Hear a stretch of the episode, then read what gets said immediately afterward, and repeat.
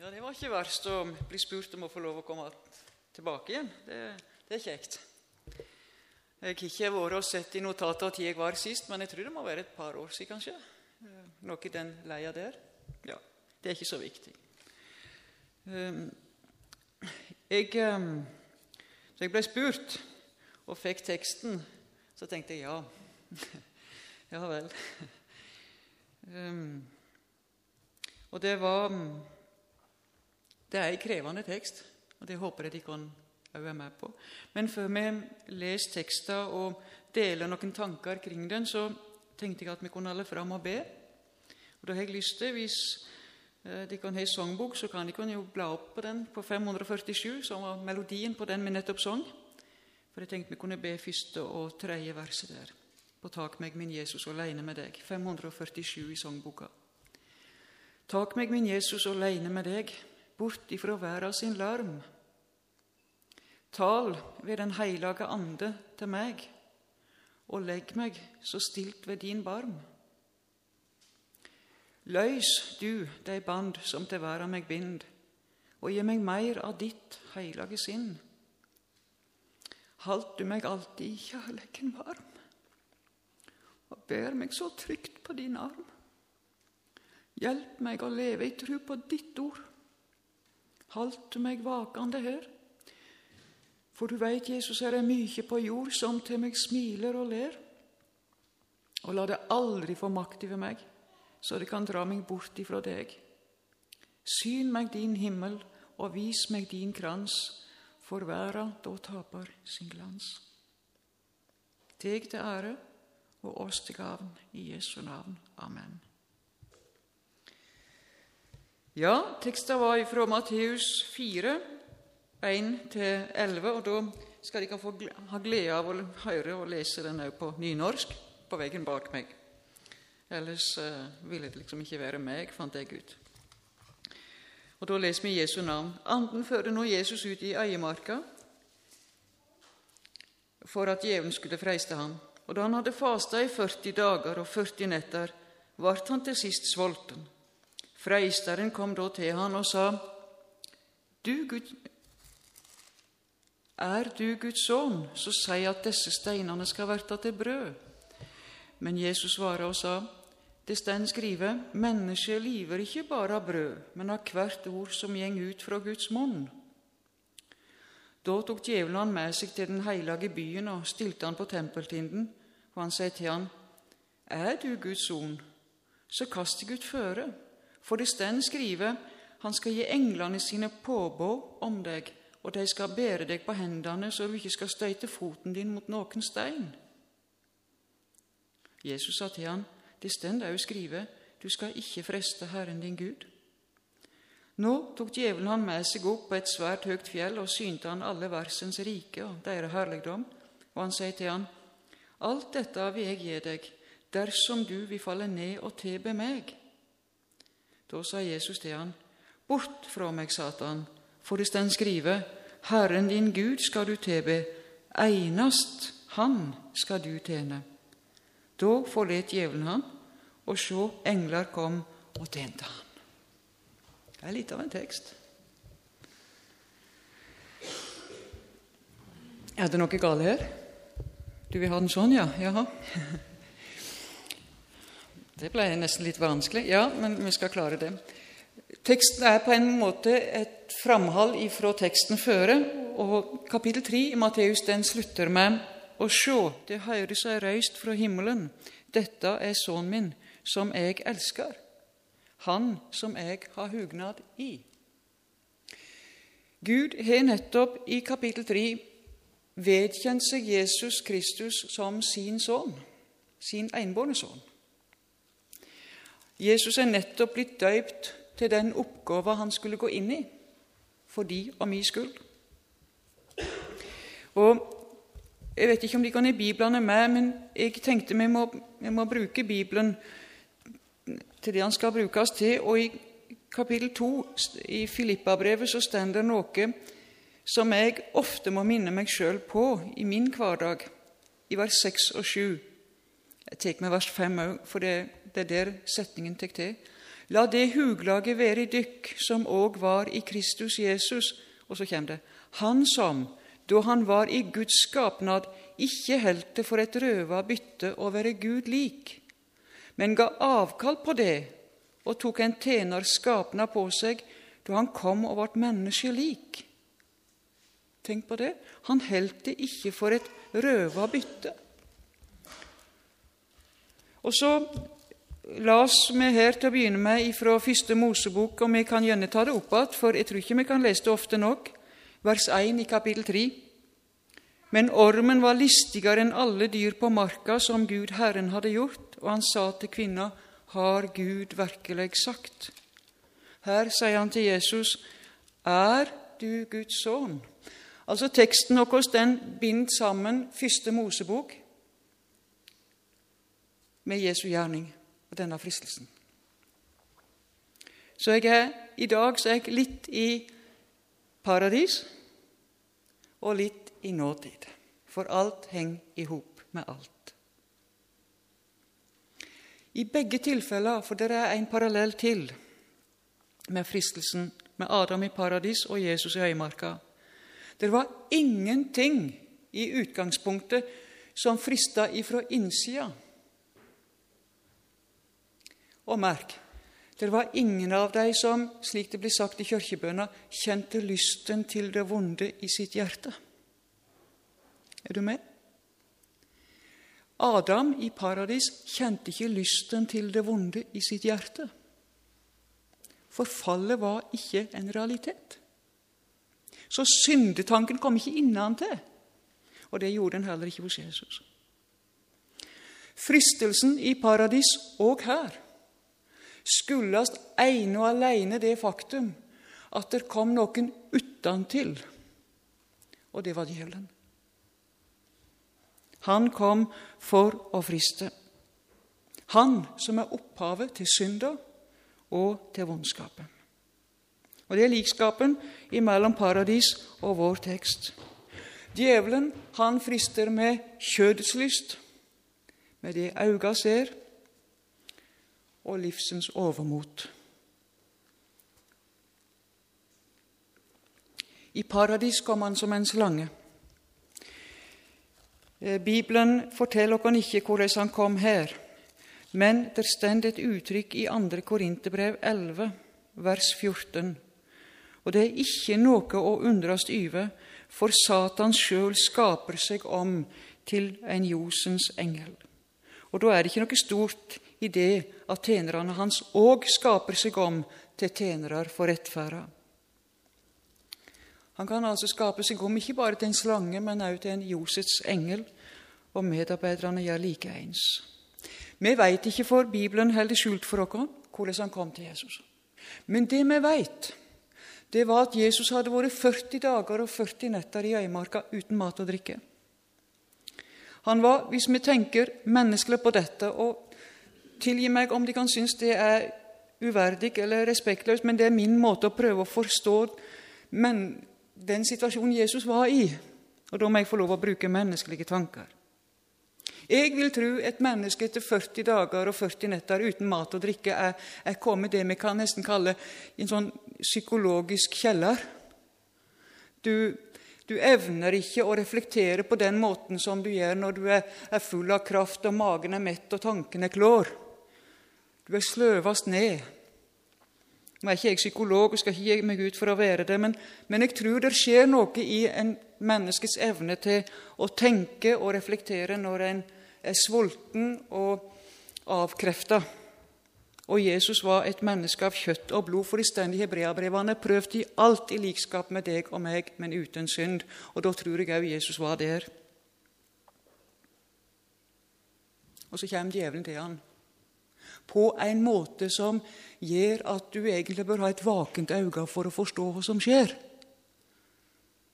Tenk deg om i ditt liv, i din situasjon, der brått frestelsen har vært Han er kommet som nesten lyn fra klar himmel. Du har ikke klart å avsløre han. Du har ikke merka det, for det har ikke vært noen sånne kjennetegn på at det var en fristelse. Kanskje var det slik han kom til Jesus som en lysets engel. Det kravde noe å avsløre han. Men Jesus avslørte han, og det syns jeg er så fabelaktig. Men han begynner med den lure måten. Ja, men hvis du virkelig er For har Gud virkelig sagt, sa han til Eva og til Jesus, er du Guds sønn? Er du Guds sønn? Han er så sulten og nedsliten at den vonde møter han på et svakt punkt, menneskelig sett. Si at disse steinene skal bli til brød. Og han kunne ha gjort det. Visst kunne han ha gjort det. Han kunne ha gjort det for lenge siden. Han har ikke har, det var ikke trangt for Jesus til å bli så sulten som han var. For lenge før de 40 dagene var, så kunne han ha henta seg mat. Men han var menneskesønnen Jesus Kristus. Og her tenker jeg noe av det som er linken for meg inn i min tid og inn i mitt liv. Det er at Jesus han vil freste meg og deg til å gjøre undergjerninger eller gjøre noe til vårt eget beste. Vi kan ikke skape stein om til brød, men vi kan prøve å forandre en situasjon, tegne et nytt bilde av en situasjon, så det tjener til vår ære og til oss sjøl, til vårt eget gagn. Det kjenner vi.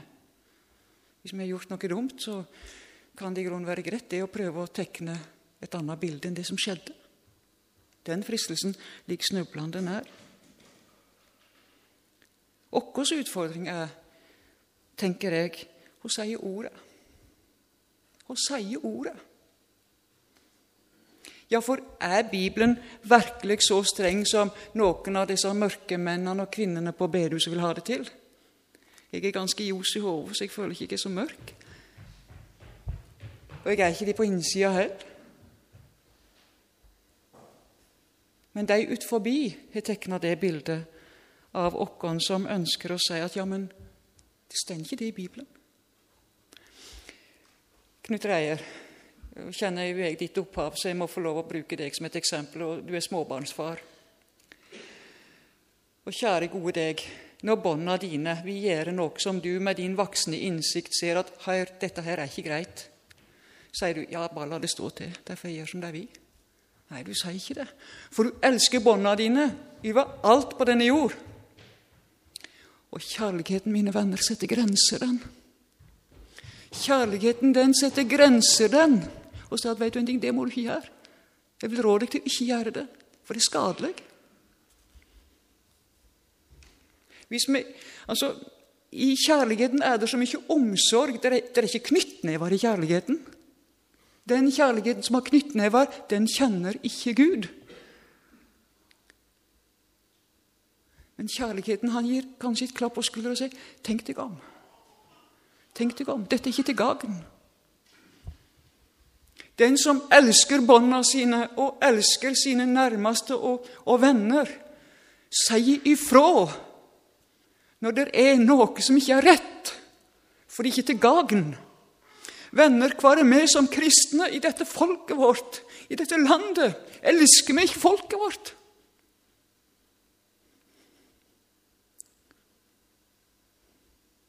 Hva sier ordet? Kan det virkelig være synd? Kan det være galt?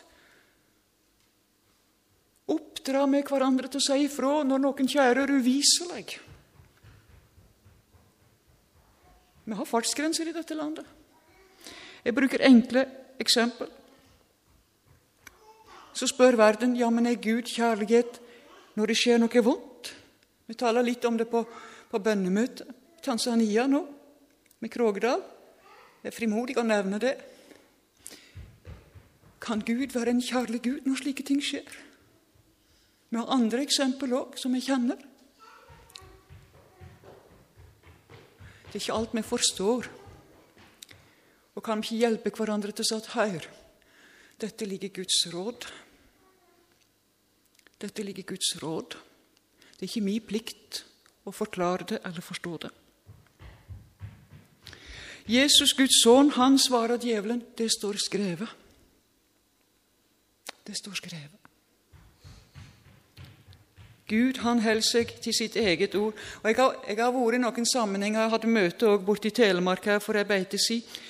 Og Da kom jeg nettopp inn på disse tingene. Ja, men er det sånn? Ja, men er det sånn?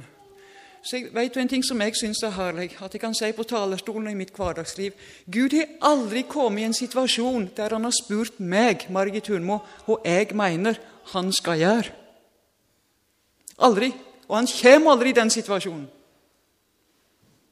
Fordi Gud sjøl veit hva han skal gjøre. Og så er det opp til meg å bøye meg og så veit du en ting? Dette har Herren sagt. Jeg forstår det ikke, jeg kan ikke forklare det, men det er slik det står.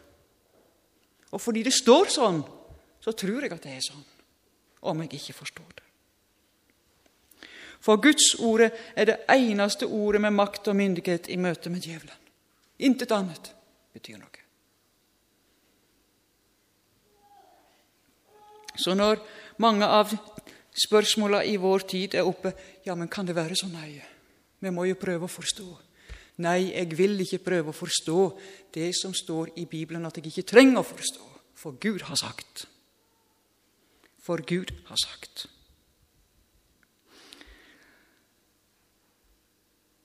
Det andre målet det er at Guds sønn skal ta seg til rette. For det står i den andre fristelsen i vers 6 Ja, ja, vi tar med vers 5, for de hører òg med. Det er 5 til 7 som er den andre fristelsen.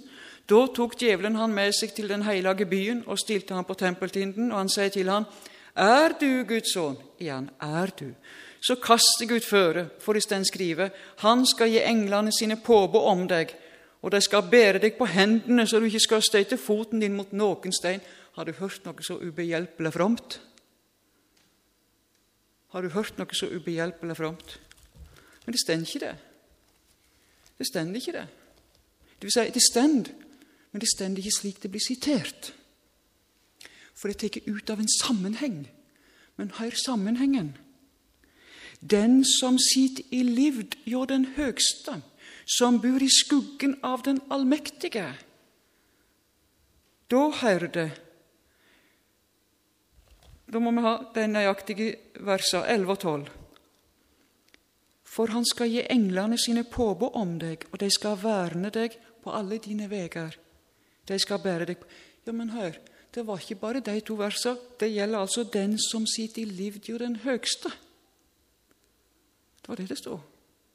Som bor i skuggen av den allmektige. Har du tenkt på hvordan du og jeg siterer fra Bibelen stundom? Formidler vi Guds ord rett ved å sitere det rett? Eller vi det slik som her? Tek litt der. Ut av en sammenheng.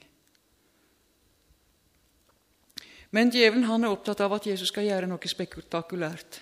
Noe som gjør at han blir lagt merke til. Og da må han jo kaste seg utføre. Ja, tenk det.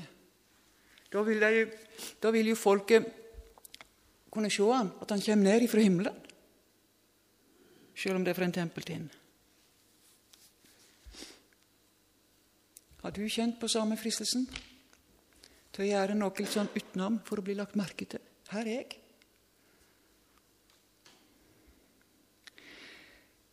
Jeg vet ikke om jeg Ja, jeg skal si det, for jeg har notert det.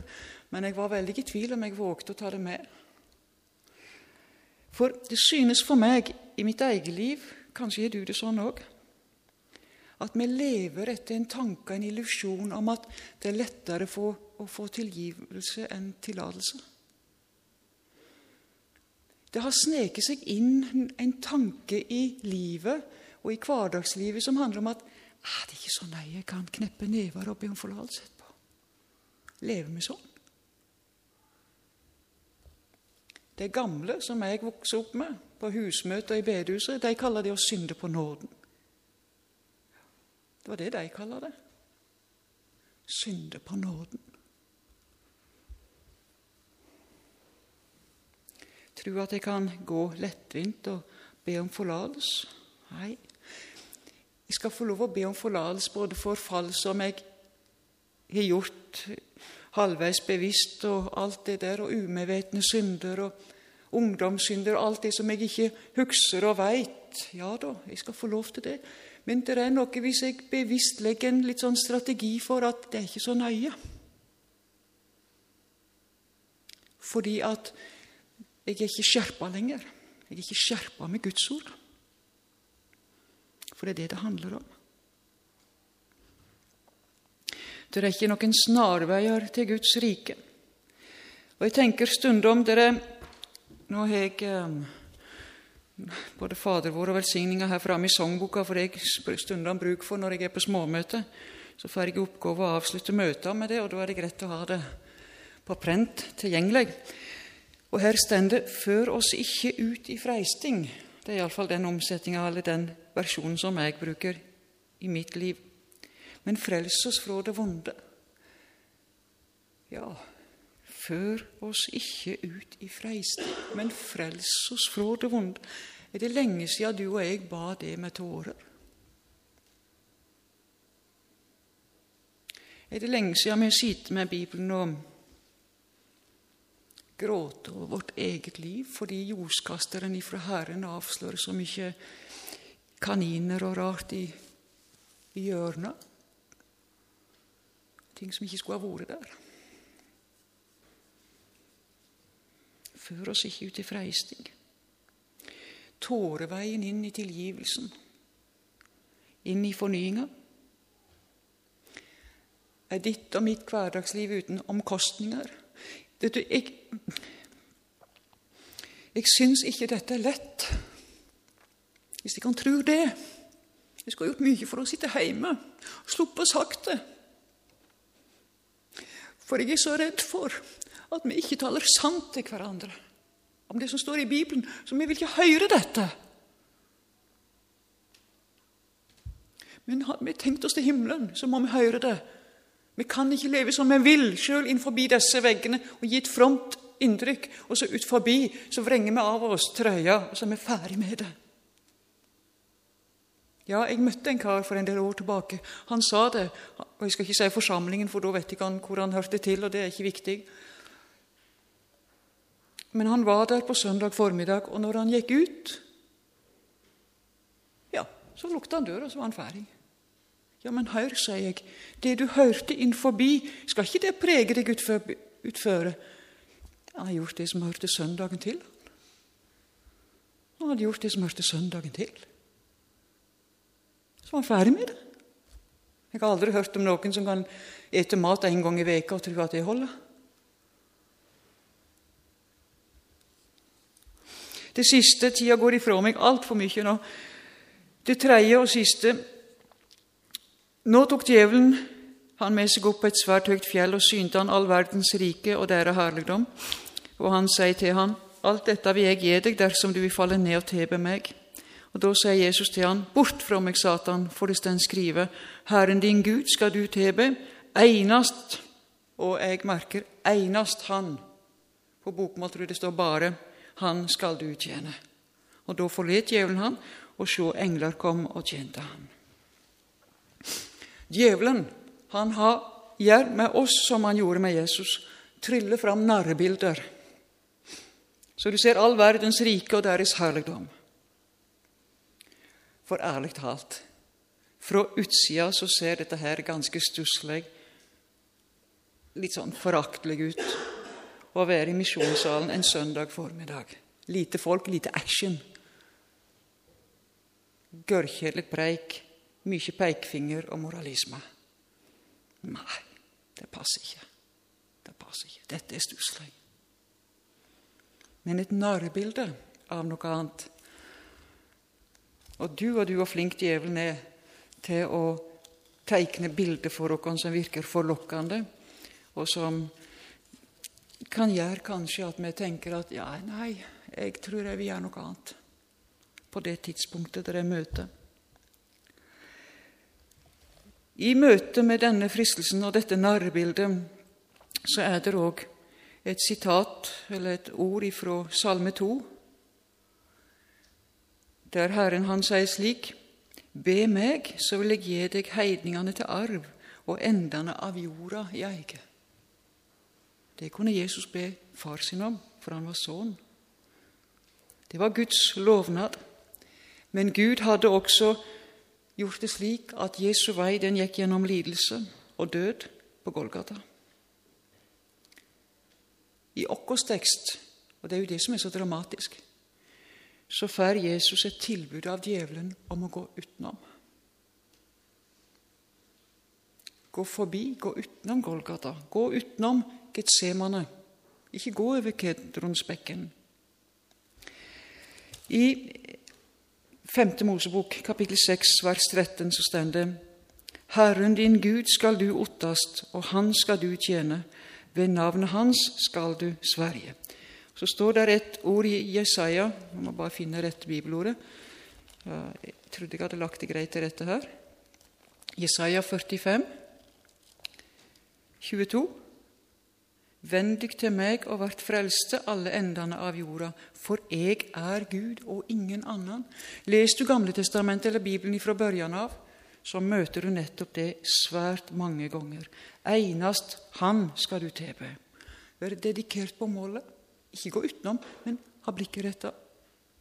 Vi har Paralympics nå, vi har hatt OL. Det er dedikerte folk. Ingenting, ingen forstyrrende element. Jeg skal dit. Hvordan er ditt og mitt liv? Er vi dedikert på himmelen? Ingen forstyrrende element. Skrell det vekk. Forsakelse. Til og med Stavanger Aftenblad jeg vet ikke om jeg har nevnt det her før, men, men de gjorde jo et nummer av for en tid tilbake om Petter Northug som ikke nytta alkohol fra oktober til mars. For han var dedikert på mål. Hvilke forsakelser har du fordi du er dedikert på mål? Herren oppfyller sine løfter. Det står noe om det i, i krønikeboka òg, og det, vi kan godt ta med det ordet òg i andre krønikebok 16, vers 9.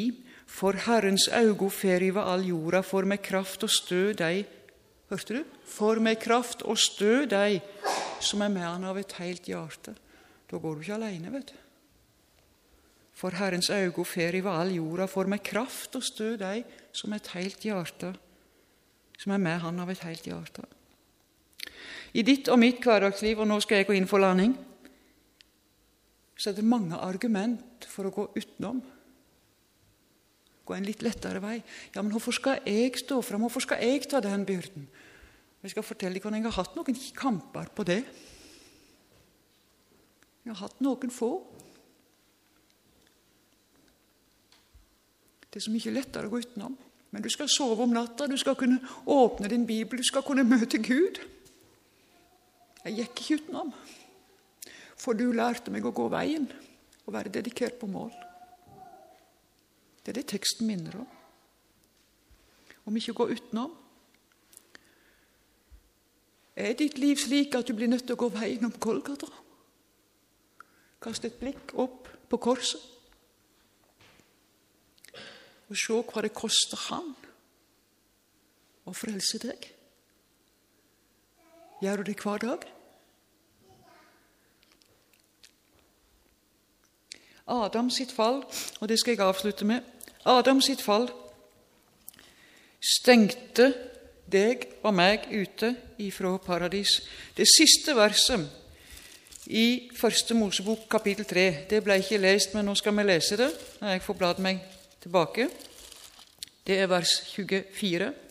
Gud dreiv mennesket ut, og austanfor Edens hage sette han kjerubane og det lågande sverdet, som svinga hit og dit for å vakte vegen til livsens tre. Det var Gud Herren som gjorde. Den andre Adam, Jesus Kristus, som her har møtt tre fristelser spesielt, han åpna en ny og levende vei inn til Guds helligdom. Da er vi tilbake igjen til utgangspunktet. Det begynte med fristelsen i paradis, og det stengte porten. Men det avsluttes ikke der. Det var én som åpna en ny og levende vei. Jeg vet ikke om du klarer i farten å finne Hebreabrevet 10, for det skulle jeg ha nevnt for deg før. baki der. Men Hebreabrevet kapittel 10, vers 12 til og med 23, det er mitt avslutningsord til oss alle sammen denne søndag formiddag.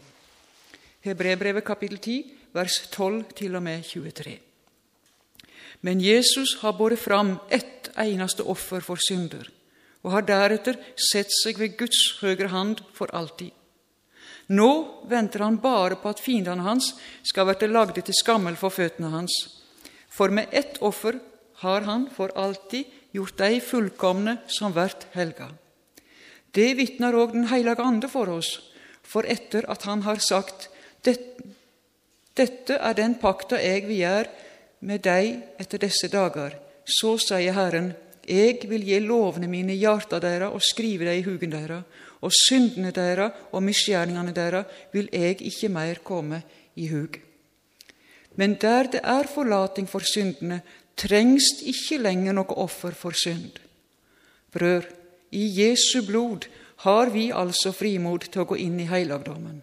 Til den har han vigsla en ny og levende veg for oss gjennom forhenget, det er hans kjøtt, og vi har en stor prest for Guds hus. Så la oss da stige fram med sant hjarta, i fullviss tru, med hjarta reinsa fra et vondt samvitt og med lekamen lauga i reint vatn. Lat oss halde urikkelig fast på vedkjenninga av vona, for Han som gav lovnaden, er trufast. Det sier ordet. Og det er din hvilestad også denne dagen. Må Gud velsigne oss og bevare oss.